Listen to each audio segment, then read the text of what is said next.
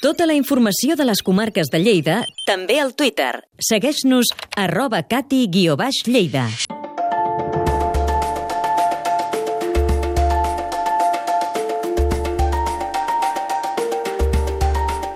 Avui fa 30 anys va entrar en funcionament el túnel del Cadí, una obra de 5 quilòmetres que va unir la Cerdanya i el Berguedà, però a més va servir per reduir la distància respecte de Barcelona de comarques com l'Alt Urgell i la Cerdanya.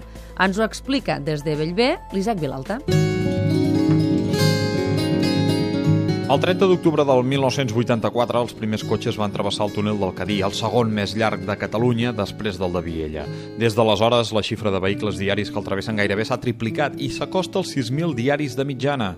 Però l'obertura del túnel va significar sobretot un canvi de fesomia per la Cerdanya. Ramon Molinés, el president del Consell Comarcal de la Cerdanya. Potser en places hoteleres no hem pujat, ha pujat, eh? potser les hem doblades en aquests anys, però a nivell de construccions, sobretot de, de construccions d'ús turístic, de segona residència, aquí s'ha multiplicat per més de 10.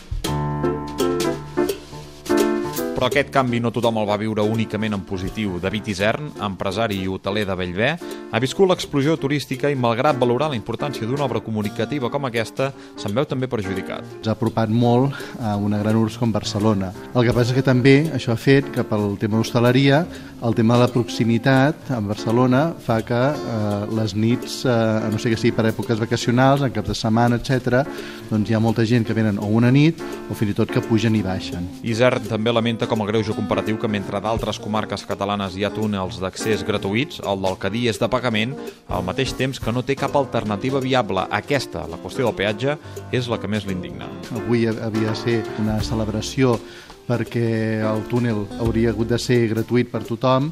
Quan van apropar-se els, els 20 anys es va haver de fer el túnel de seguretat i es van dir que s'havia d'allargar 10 anys més la concessió i ara que resulta que havia de ser gratuït, doncs va i se'l venen. L'obra més important dels darrers anys ha estat la construcció d'una galeria d'evacuació que el converteix en un dels túnels més segurs d'Europa.